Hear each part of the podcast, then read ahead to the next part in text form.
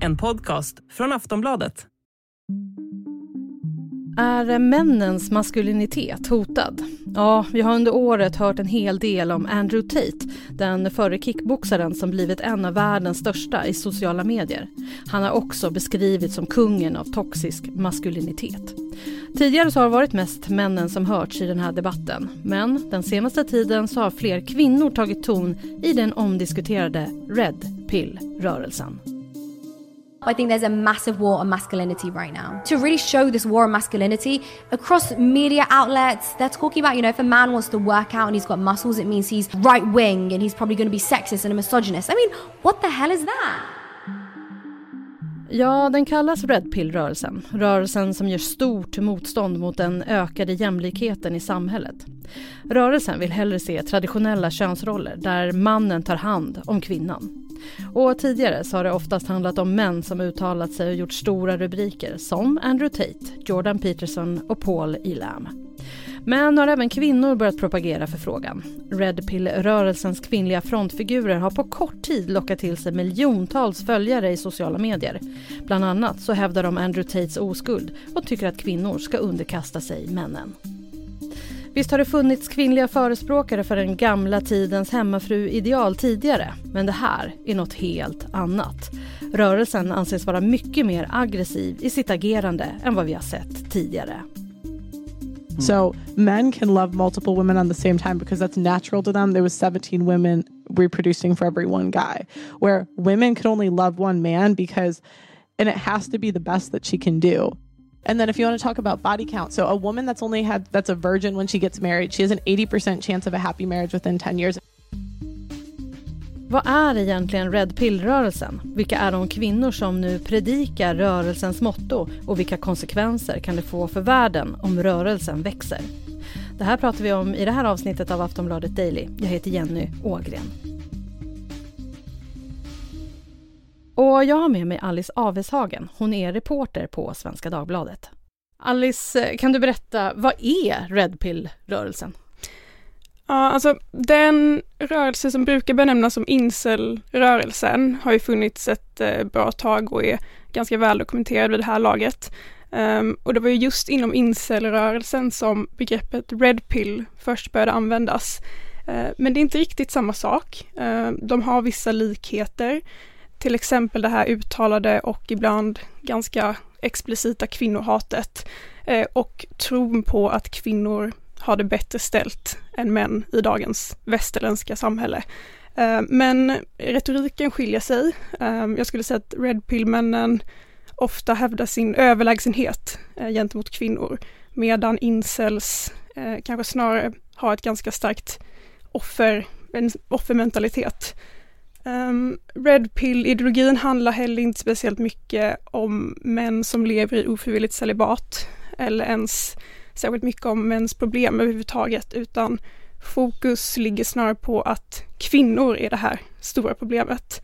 Um, och ja, anledningen till framväxten tror jag är att, att det beror på att vissa företrädare, till exempel då Andrew Tate, har fått enorm uppmärksamhet um, och spridning i sociala medier och fått med sig många människor och det är ingen slump. Ehm, jag har skrivit om Andrew Tate förut och han har ju haft en väldigt specifik strategi för att eh, bli så pass viral helt enkelt. Men varför kallas den för Red Pill-rörelsen? Eh, namnet är taget från den amerikanska science fiction-filmen The Matrix, där filmens huvudperson får välja mellan ett eh, eh, blått piller eller ett rött piller. Och han väljer då det röda pillret och får reda på att han hela sitt liv har levt i en simulation, en slags låtsasvärld. Um, så att ta det här röda pillret blir en, en metafor för quote unquote sanning och upplysning, eh, i det här fallet då om kvinnors natur. Och den här rörelsen, de, de menar ju att det pågår ett krig mot maskulinitet. Ja, precis. Eh, de har en väldigt konspiratorisk världsbild överlag eh, och menar att det finns en elit som liksom har en gemensam agenda att försvaga mannen och göra mannen foglig och att det mer eller mindre är naturvidrigt att eh, ställa krav på jämställdhet mellan könen. Och vad är det de liksom försöker uppnå med den här rörelsen? Mm, deras endgame, eller man ska säga, är ju att ta tillbaka gamla könsroller. där mannen styr samhället och förhållandet och kvinnan är någon form av följeslagare. Vi ska snart fortsätta prata mer med Alice om Red Pill-rörelsen och dess anhängare. Vi är snart tillbaka.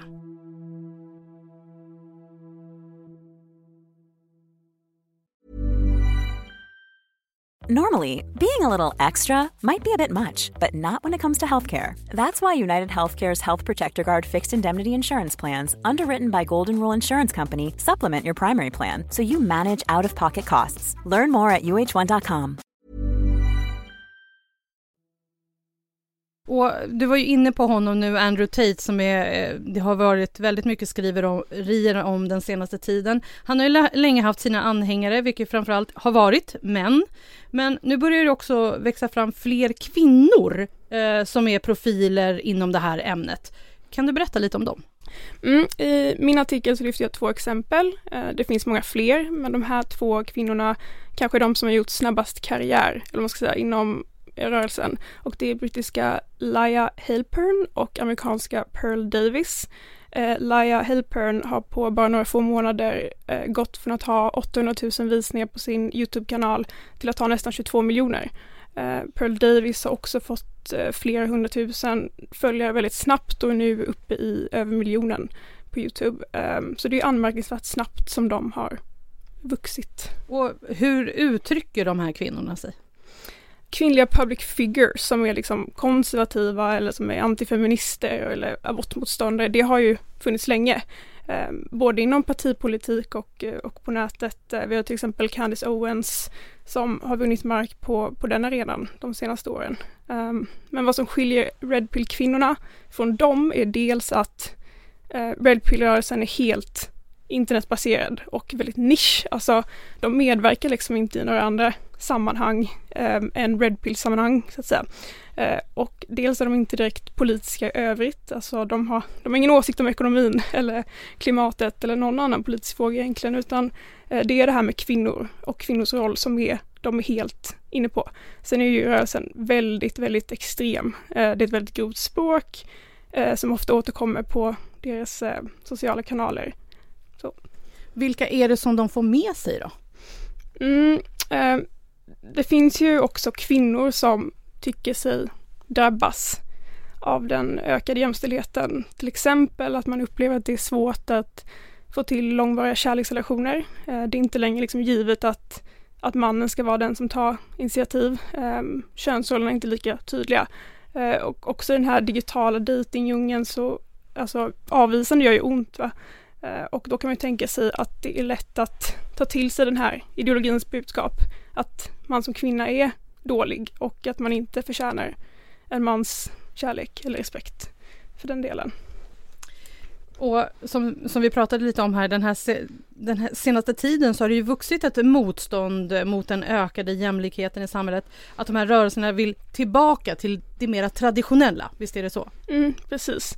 Um, som jag nämnde tidigare så är det ju väldigt det är väldigt grovt det här. Alltså Pearl Davis då som har en podd med eh, inbjudna gäster, hennes grej är lite att förnedra de kvinnliga gästerna.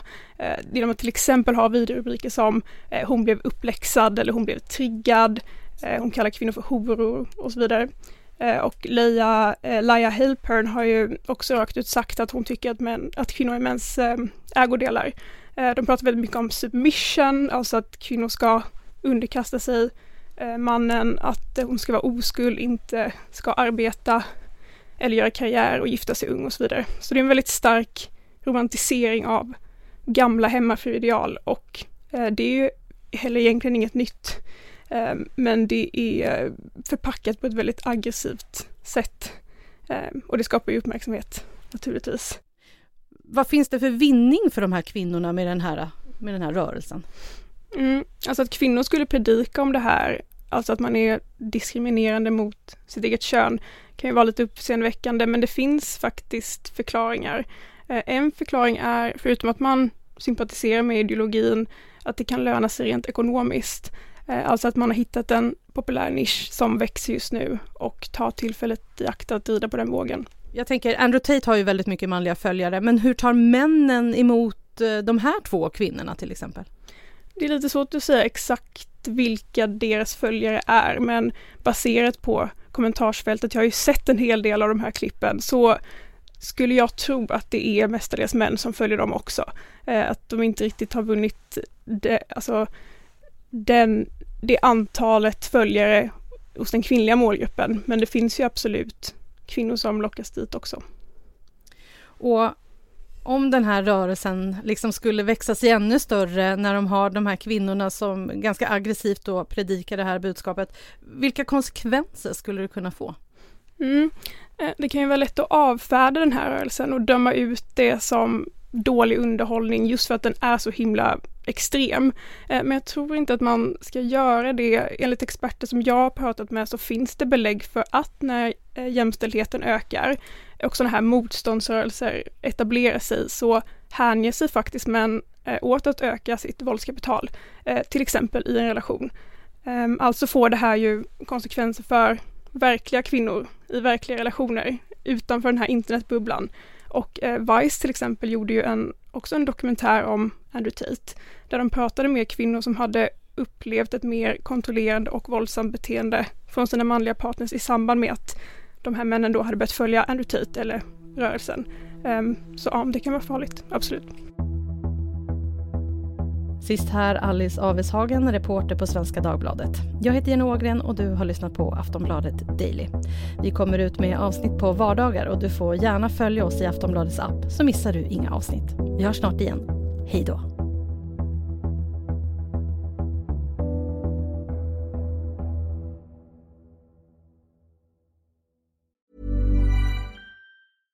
Want flexibility? Take yoga. Want flexibility with your health insurance? Check out United Healthcare Insurance Plans. Underwritten by Golden Rule Insurance Company, they offer flexible, budget friendly medical, dental, and vision coverage that may be right for you. More at uh1.com. Du har lyssnat på en podcast från Aftonbladet. Ansvarig utgivare är Lena K Samuelsson.